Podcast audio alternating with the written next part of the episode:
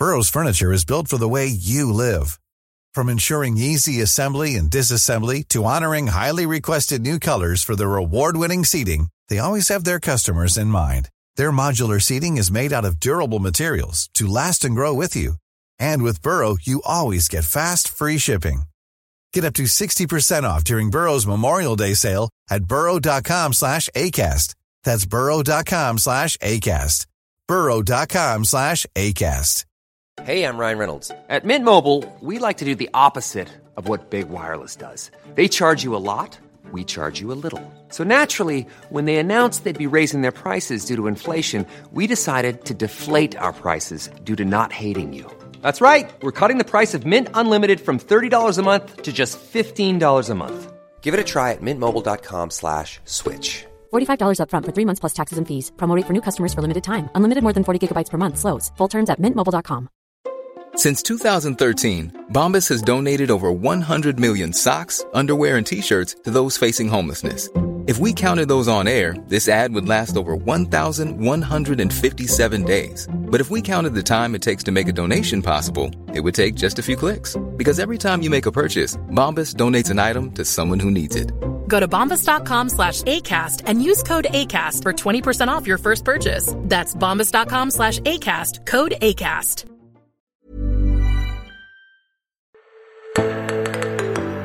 KrF-nominasjoner, koronatrøtthet og Tor Hjalmar tror Trump vinner valget i USA. Velkommen til denne ukens episode av Tore og Tarjei, en podkast fra dagen. Her i studio sitter i dag nyhetsredaktør Astrid Dalehaug Norheim og meg sjøl, Tarjei Gilje. På hjemmekontor er Tore Hjalmar Sævik. Hvordan går det på Sotra, Hjalmar? Det går egentlig veldig greit. Det er jo blitt haust omsider, sånn at nå, nå, er det mer sånn uh, vestlandsforhold som vi er vant til. Men, men Sotra er en god plass å bo. Det høres bra ut. Det er jo straks valg i USA, det skal vi snart komme tilbake til. Men det nærmer seg jo sakte, men sikkert òg valg i Norge. Og en av de eh, tradisjonene som da følger med den tiden her i avstand fra valget, det er jo at nominasjonene begynner å bli klare i ulike partier. I torsdagens utgave av Dagen har vi, har vi en omfattende sak om hvilke personer som skal fronte KrF i de ulike fylkene ved stortingsvalget neste. Og Der er det noen som er ferdige, noen som er underveis. Eh, hva er det Astrid du ser som hovedtrekk i det vi vet så langt? Eh, det store spørsmålet er jo selvfølgelig hvor mange mandat KrF får, og om de kommer inn i hele tatt, med hvor mange.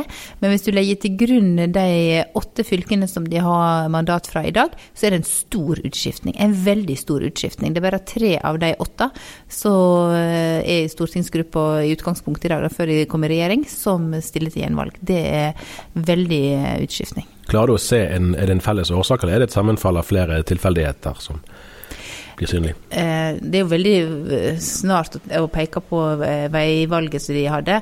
Det er nok sammensatt, absolutt. Og er, så er det jo alltid sånn at når det er nominasjoner, så er det jo hvert enkelt fylke som avgjør. Det er jo ikke noen i Oslo som sitter mm. og lager en sammensetning. Og da kan det jo være vanskelig, for mange ønsker jo man ønsker fornyelse, samtidig som man ønsker veteraner som folk kjenner, sant? som har tillit til å stole på og skal inn igjen igjen.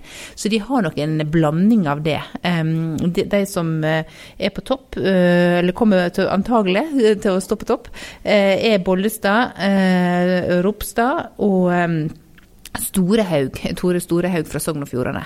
Eh, han er ung, de andre er jo veteraner, selv om Ropstad er, er jo ung, da. Men han er jo vet, politisk veteran likevel. Mm. Og så er det jo Rogaland, da. Der har du en eh, kamp bak Eh, Bollestad, og med en veldig ung Hadle Bjuland på 20 år. Eh, skal han inn eh, som nummer to, eller er det noen andre mer erfarne som skal inn? Så da ser du litt av den kampen. Og så har du òg en kjønnselement, der de har mange flere menn enn kvinner. Så har vi jo her i Hordaland, som eksisterer som valgdistrikt fremdeles, med Dag Inge Ulstein som etter planen erstatter Knut Arild Hareide? Ja, for Hareide gjorde det jo klart ganske tidlig at han ikke kom til å ta gjenvalg.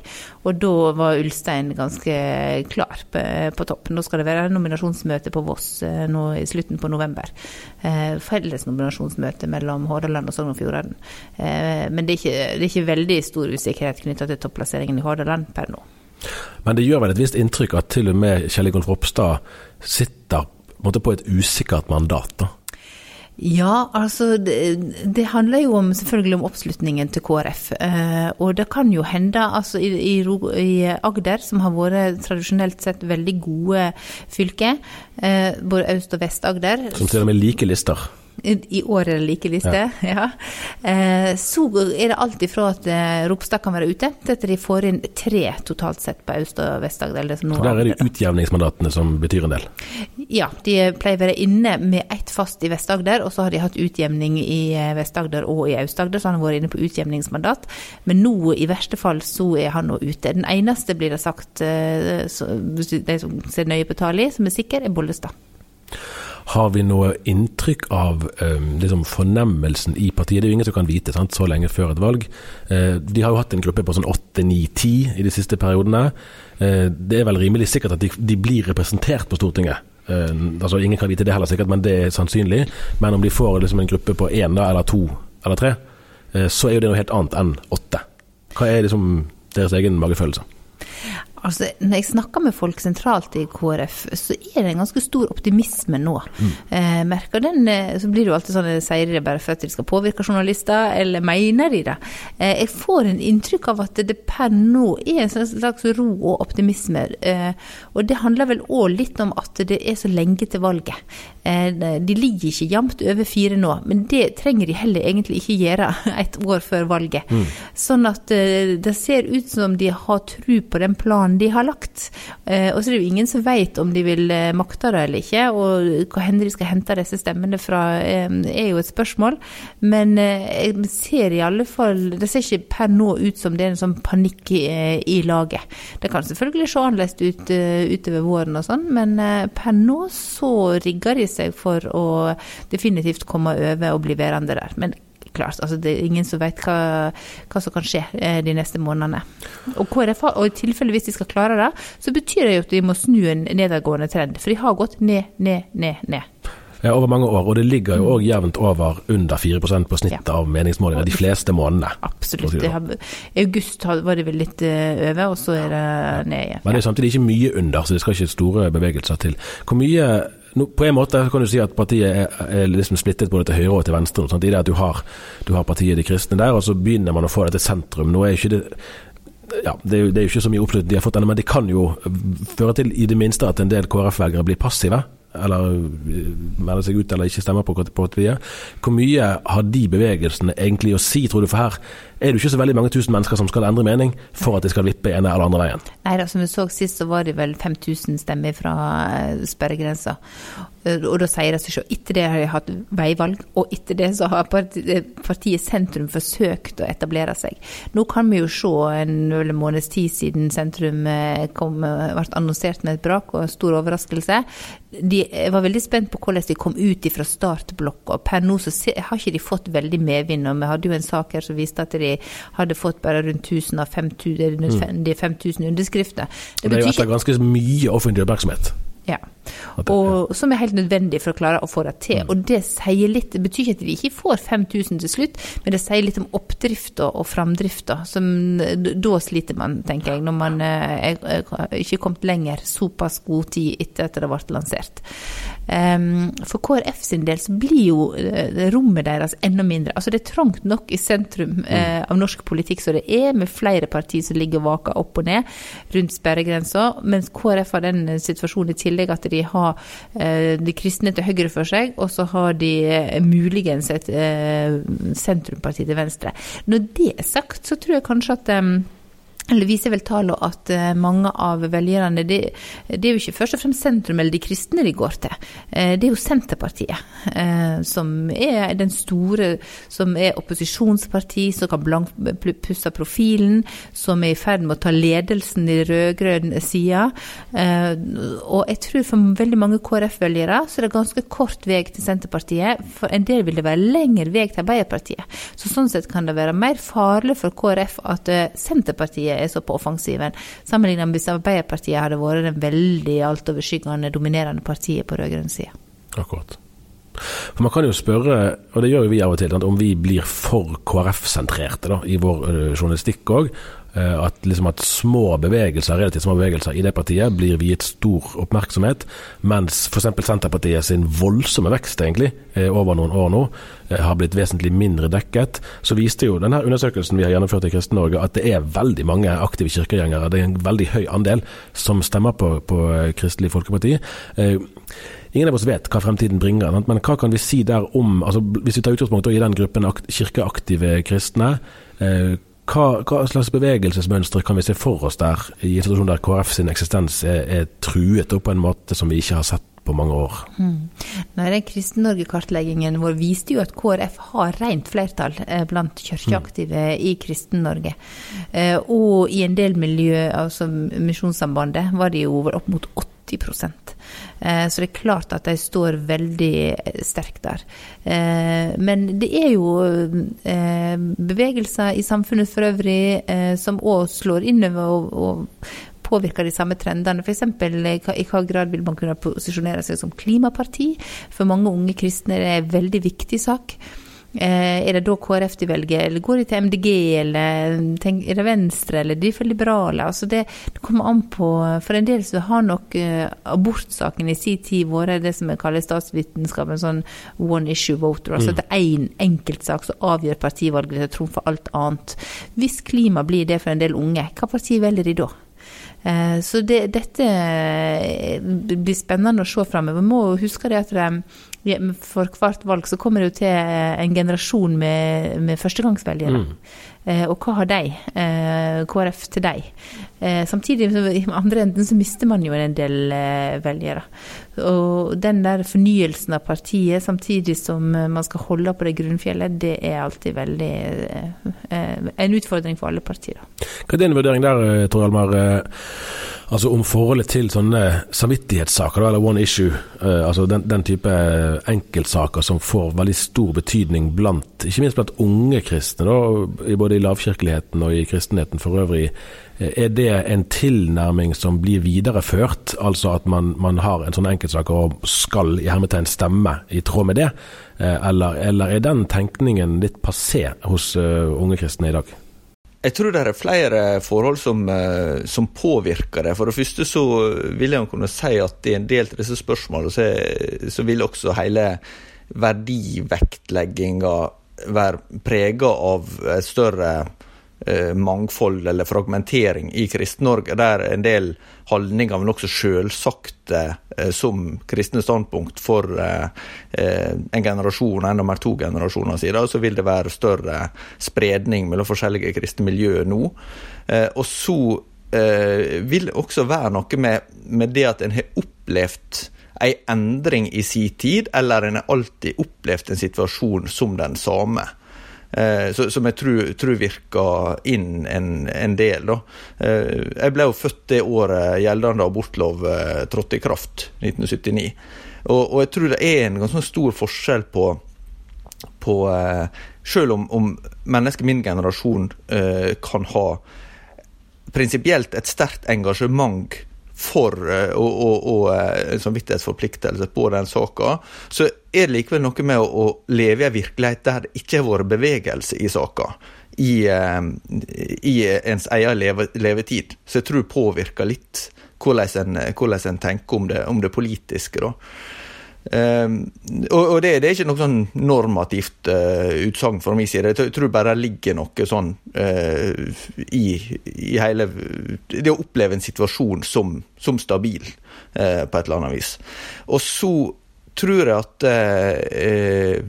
det at krist, altså, andelen av den norske befolkninga som er menighetsaktiv eller engasjert i en eh, kristen organisasjon, eh, en bevegelse, er jo ja, Det er vanskelig å komme fra at den er vesentlig mindre enn den var for eh, særlig to generasjoner siden. Og Dermed så er jo også opplandet til KrF eh, mindre. Så den, eh, der er en sånn kombinasjon av, av endringer der som, som gjør at eh, det er ganske utfordrende å vite hvordan en skal, skal, samle de, de velgerne som en har potensial for å nå. Da. Ja, Dette skal det virkelig bli spennende å, å følge fremover. altså. Du, eh, neste emne i dag er altså jeg vet ikke om liksom, Korona er et sånt ord som vi etter hvert blir rasende av å høre, eller fortvilet av å høre. Jeg er bare utrolig lei. Ja, for den, Det kjente jeg veldig på. Nå kom jo det uh, denne uken nye restriksjoner, både lokalt og nasjonalt, som, som ja, mange er på hjemmekontor. Det blir begrensninger i, for, for mange dagen-lesere og formodentlig podkastlyttere gudstjenestedeltakelse. Hvor hen, hen, er vi nå på en måte i den store fortellingen om, om samfunnsendringene? Ja, Det er et godt spørsmål. For vi har jo hele tida blitt advart og sagt til hverandre at det kan bli stramt utover høsten. Eh, og så tror jeg likevel det er en kjensgjerning at vi har brukt opp veldig mye krefter på mm. dette her. Eh, samtidig så har vi funnet nye måter å være sammen på. Vi har eh, testa ut digitale tilbud. Eh, vi er blitt ganske gode på smittevern og deltakerliste og, og måler opp med én meter og alt dette her. Men det er en sånn utmattelse, eh, føler jeg. Og så må man kunne sette ord på det og få lov å kjenne på det. Og så må vi finne et langtidsløp i denne her utrolig kjipe situasjonen.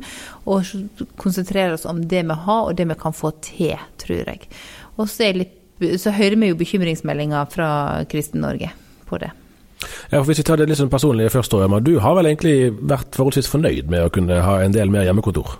Ja, jeg syns det har sine klare fordeler for en som skal prøve å konsentrere seg litt. Og så er jo det å, skrive i et uh, tomt hus der det er uh, ingen forstyrrelser, det, det, er jo, det, er jo, ofte lettere.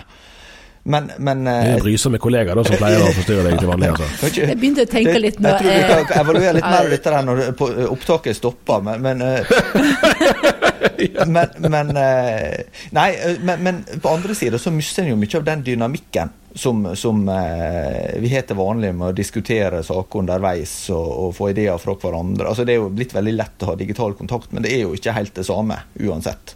Eh, det er helt enormt hva du mister, tenker jeg. Ja. Eh, og, og, det går jo litt på på det vi skriver om også. tenker at det, Vi har vært heldige. Tarjei og jeg var f.eks. på, på Karmøya i, i forrige uke og møtte engasjerte kristne i forskjellige sammenhenger der. Bl.a. to bedehus eh, som var i ferd med å bli bygd med tre kilometers avstand. Det er en ganske fascinerende situasjon. Men, så, så, så, det hjelper jo sånn sett å komme seg ut. Men, men det er klart at det, når en ikke har mulighet til å delta på vanlig vis Mennesket er jo et sosialt vesen. Og, og eh, ikke minst med det vi jobber med, der vi ønsker å være tett på det folk er engasjert i, og, og få impulser fra det som foregår, så, så er det ikke helt det samme å skrive om at eh, organisasjoner lanserer nye digitale strategier. Altså det, det, det blir jo aldri det samme likevel. Jeg har vel sagt noen ganger før tror jeg her, at jeg ble fascinert i vår når det var sånne digitale altså ja, det var digitale seminarer om å være digital kirke, for så vidt. Eh, og, og, hvordan eh, pastorer eh, i vår generasjon var veldig opptatt av ikke av å optimalisere teknologibruken, men av å, å legge mest mulig til rette for møter mellom mennesker. Sånn er det jo med kriser, at det har mye negativt med seg. Men så kan det òg være en, en, hjelp for oss til å se hva det er vi går glipp av, og hva som egentlig er verdifullt for oss. Og Jeg ble litt sånn fascinert i, i går, altså når vi spiller inn nå dette på onsdag, og i går eh, leste jeg eh, reglene for Bergen, som kom da. Eh, og oppdaget etter hvert utover dagen ifølge en veiledning fra Norges kristne råd at, at stoler som står på rekke og som ikke flyttes på uh, under gudstjenesten, de regnes da som fastmonterte, og dermed kan man samles inntil 200 i et lokale, gitt at man kan ha uh, behørig avstand. Ellers var det ned i 50. Det er jo, en helt sånn praktisk detalj, egentlig, nesten sånn nerdenivå, men som har stor betydning for massevis av forsamlinger og menigheter rundt i landet. Og så kjente jeg hvor glad jeg ble da, av den enkle opplysningen. Wow, vi kan ha gudstjeneste på søndag, ikke som vanlig, men tross alt ganske mye nærmere det vanlige enn å ikke kunne møtes. Og, de, og bak det så ligger det jo en, en, en, sånn forståelse av at det er veldig fint å kunne samles til gudstjeneste. Det er noe som virkelig har høy verdi, og som vi på en måte har blitt litt frarøvet. Så det er jo en, en sånn dimensjon i det òg, som vi kanskje begynner å se mer av etter hvert nå. Mm. Og jeg tror bare det er muligheten å få møtes og se hverandre er blitt, eh, altså det er blitt så kjærkomment. Eh, av og til så kan vi jo kanskje oppleve at vi blir litt sånn overaktiviserte på alt vi skal være med på, og nå har vi fått kjent på det motsatte.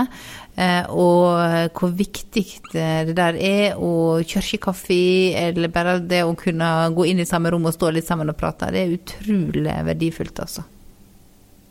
Og så tror jeg at vi må være litt obs på de som ikke kan det av helseårsaker, eller at de har noen rundt seg som gjør at de må være veldig forsiktige.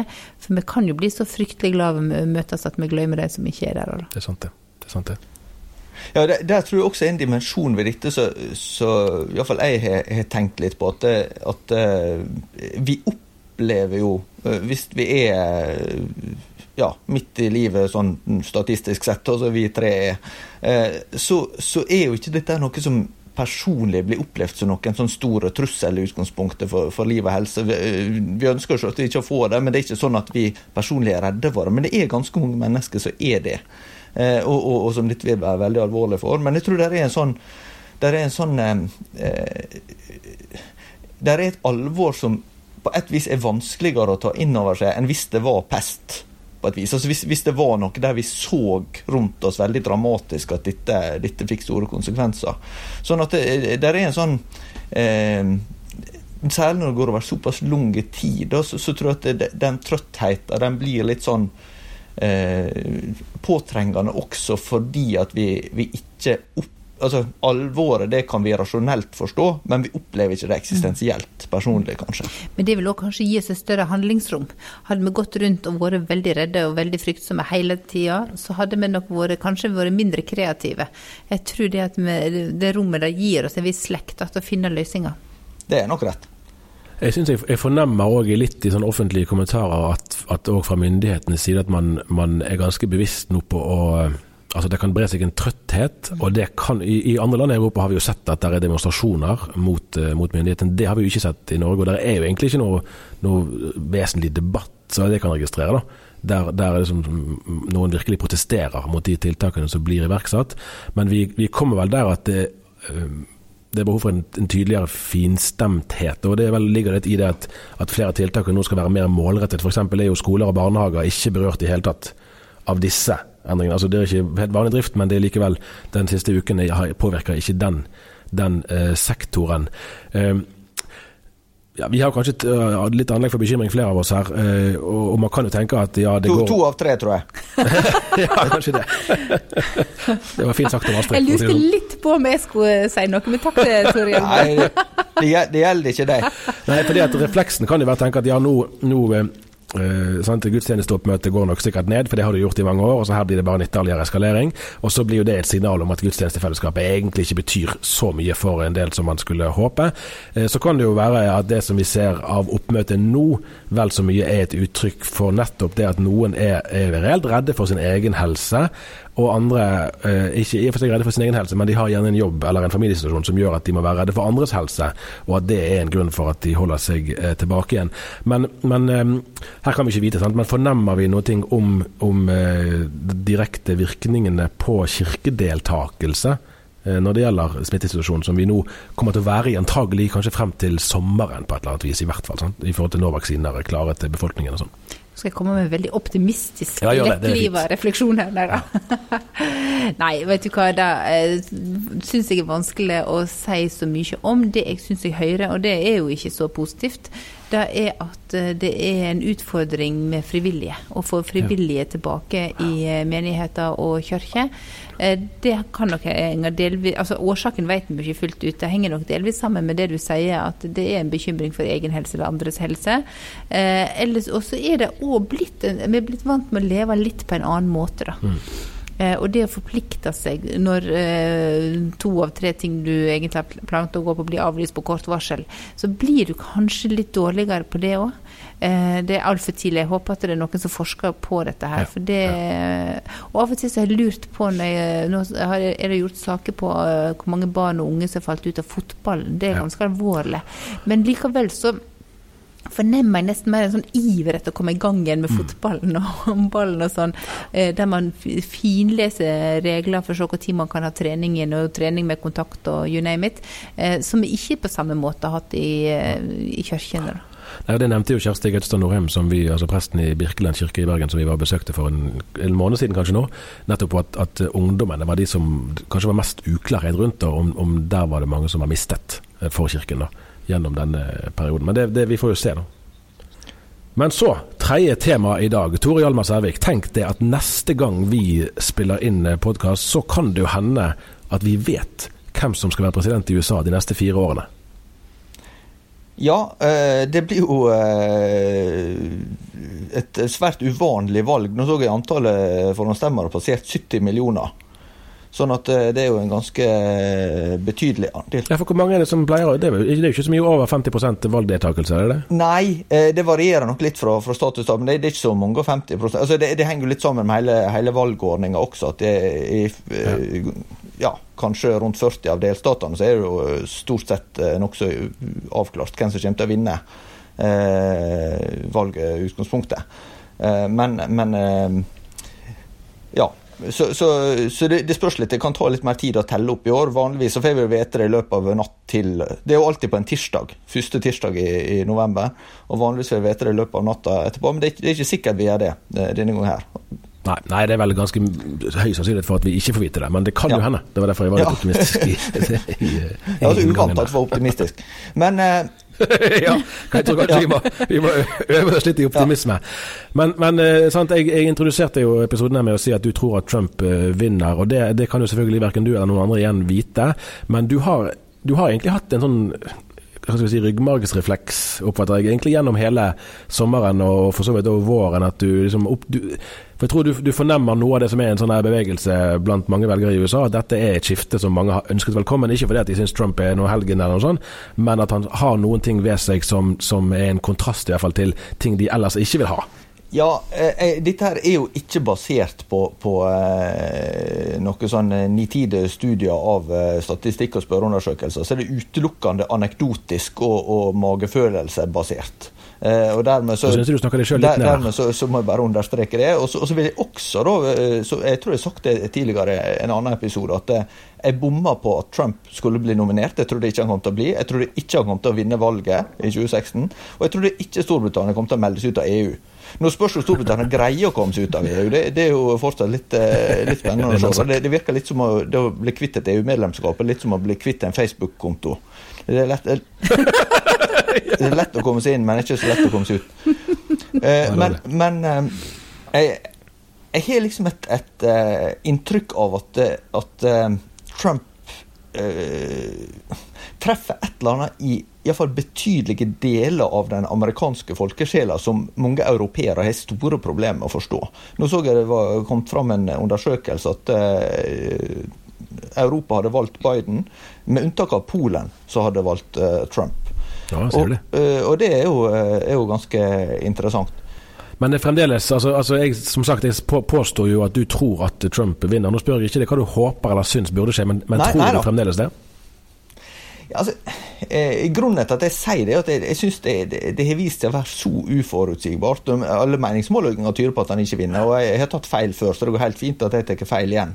Eh, men, men, men eh, det er jo bare noe med, med eh, eh, Kanskje det at, det at demokratene endte opp med Biden som, som, kandidat, det er jo litt spennende å se i hva, grad han greier å mobilisere til valgdeltakelse. Det var jo ikke minst eh, eh hans sin appell til svarte velgere som var viktig. Men, men demokratene står jo i en spagat med det at de skal appellere til eh, uh, unge mennesker som er ganske woke, som en sier i vår tid. Ja. nytt ord, altså, så, er, så er i amerikansk sammenheng veldig venstreorientert og, og, og, interessert i uh, grunnleggende endringer av det amerikanske samfunnet, i mer retning en europeisk samfunnsmodell. Og så skal må en også da appellere til de mest religiøse uh, velgerne i USA, faktisk. De, nemlig afroamerikanske kristne, som 90% av de stemmer demokratisk. Og Eh, Biden må jo passe seg veldig for å altså Han må, må greie å appellere til sentrumsvelgere, og så må han få unge eh, ganske progressive velgere til å faktisk komme og stemme. Vi har jo snakket om hvordan eh, Trump eh, på en måte etablerer nye skillelinjer, eller forsterker kanskje rettere å si, da, eksisterende skillelinjer blant norske kristenledere. Eh, er det noen endringer i det religiøse landskapet i USA altså Vi vet at uh, hvite evangelikale stemte uh, Trump med over 80% sist gang. altså Er det noen sånne bevegelser eh, som er tydelige der i, så langt, da, så vi kan se i forskjell fra forrige gang? Ja, det, det, der er faktisk noen veldig interessante trekk. Jeg så nettopp nå i dag eh, at, eh, at Trumps åndelige veileder Paula White Kane Ikke sikkert alle kjenner til henne, men hun er en ja,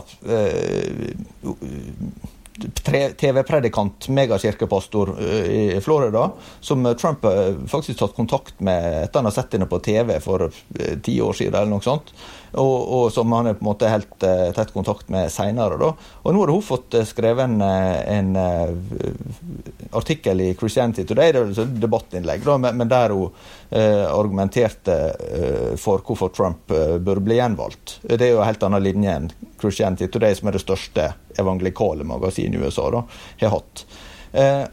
Men så, så, så jeg da noen som kommenterte det på Twitter, som kjenner det amerikanske kristenlandskapet godt, og sier at dette har ikke skjedd på en million år. Altså, det, Dette var helt utenkelig at hun skulle skrive der, for hun er en typisk sånn herlighetspredikant. Eh, og, og, jeg tror kanskje at det blant en del eh, hvite evangelikale kristne, da, som ja, er jo vært en viktig velgergruppe for Trump, der åtte av ti stemte på han sist av de som stemte, Eh, der, der har nok Trump bygd ned en del teologiske skillelinjer. og Det, er nesten sånn at i den grupperinga så kan en si at eh, ideologi, politikk, eh, forener mer enn en teologi. For at det, dette er jo folk som havner i samme kategori som evangelikale, men som teologisk står ganske langt fra hverandre til dels. Du må hjelpe meg å forstå, Hvorfor var det så utrolig at hun skrev der? Nei, for at hun er en typisk sånn uh, herlighetspredikant. da. Altså, så, uh, hun skulle egentlig skrevet i Charisma Magazine. Ja, altså som, som, eh, som mange mer sånn trauste sørstatsbaptister, f.eks. Tenker at hun er liksom helt fjernt fra det de kunne tenke seg å samarbeide med. Akkurat. Men hva oppnår hun med å skrive det der, da? Nei, altså nå er nå det sånn at de som er engasjert i dette, de, eh, de må jo bare mobilisere de velgerne de kan. Uh, så, sånn at en, en, må ytre seg overalt. Og ytringene er jo veldig sterke. altså det, uh, Blant mange i det de lederne som slutter seg til Trump, så er det sånn at det, det går på at nå står hele den amerikanske eh, virkeligheten på spill eh, når det gjelder trosfrihet og når det gjelder abortspørsmålet. sånn. Så, så, det er veldig sånn det er veldig sterk retorikk. da, At, at eh, USA som du kjente det, det kan være i ferd med å, å forsvinne. Mm. Jeg merker det du snakka om at du tok feil. Snakka snakker deg sjøl kledelig ned. Eh, men det gjorde jo så godt som alle eh, for fire år siden. Og jeg var på en sånn debatt eh, i Media City her for noen dager siden, der både NRK, TV 2 og Aftenposten snakka om hvordan de dekker det amerikanske valget. Og det som alle tok utgangspunkt i, eh, var at vi fikk så sjokk for fire år siden. Det sitter fremdeles i. Egentlig så vil, tror vi at Biden vinner, men vi tårer ikke si det. Fordi at vi, altså meningsmålingene er forbedra, vi har fintellinger av hvordan stemmene ser ut i de ulike statene, men vi vet ikke hvordan det kommer til å slå ut. Eh, det har skapt en sånn usik grunnleggende usikkerhet, da, det som skjedde i USA for fire år siden. Så jeg syns det er veldig interessant å høre. Men tror du at han vinner, eller bare holder du en åpning for at det kan skje? Eh, nei, altså eh, jeg, jeg, jeg, jeg, tror ikke den betydningen at jeg ville vedda på det heller. Eh, så, så, er det kanskje mer at jeg holder en åpning, men, men, jeg har liksom eh, sånn på avstand en, opplevelse at Trump har et mobiliseringspotensial eh, blant en del velgergrupper som jeg er usikker på om Biden har.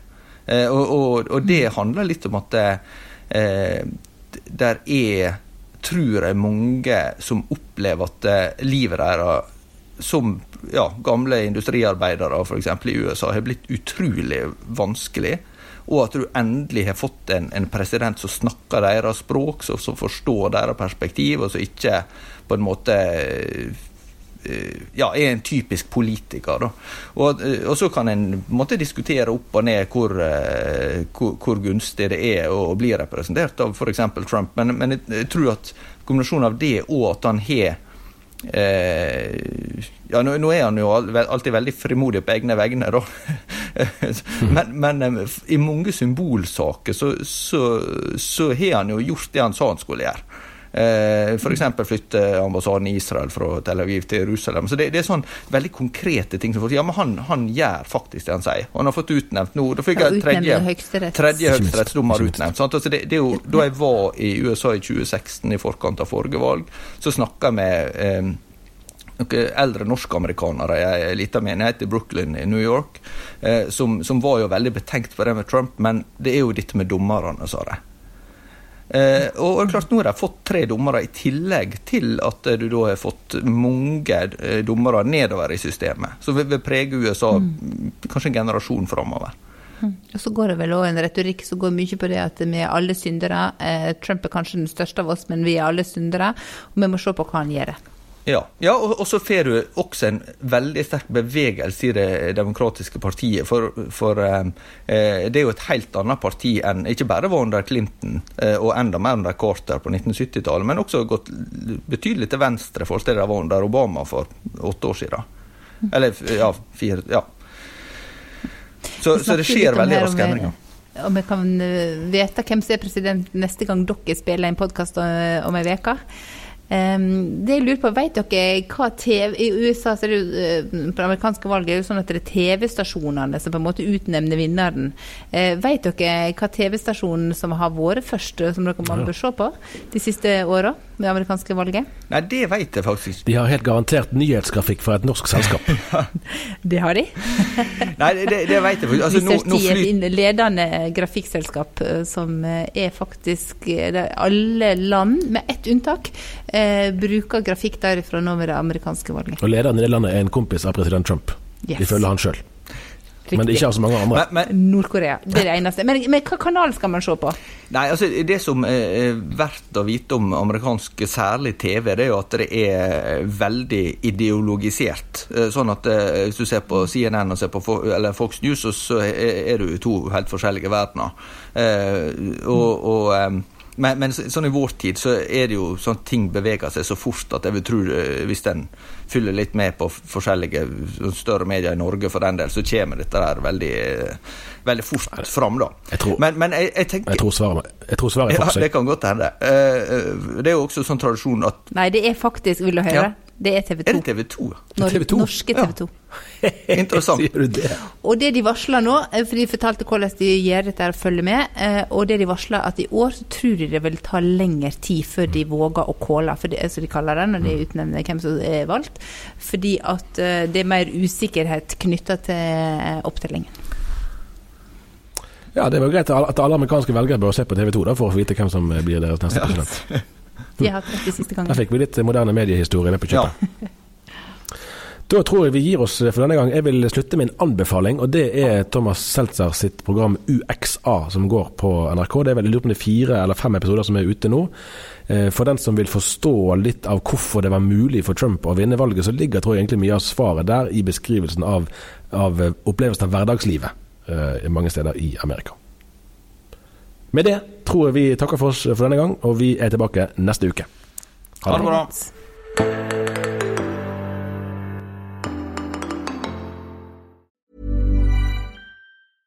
Selling a little or a lot? Shopify helps you do your thing however you cha-ching. Shopify is the global commerce platform that helps you sell at every stage of your business. From the launch your online shop stage to the first real life store stage, all the way to the did we just hit a million orders stage. Shopify is there to help you grow. Shopify helps you turn browsers into buyers with the internet's best converting checkout. 36% better on average compared to other leading commerce platforms because businesses that grow grow with Shopify. Get a $1 per month trial period at shopify.com/work. shopify.com/work.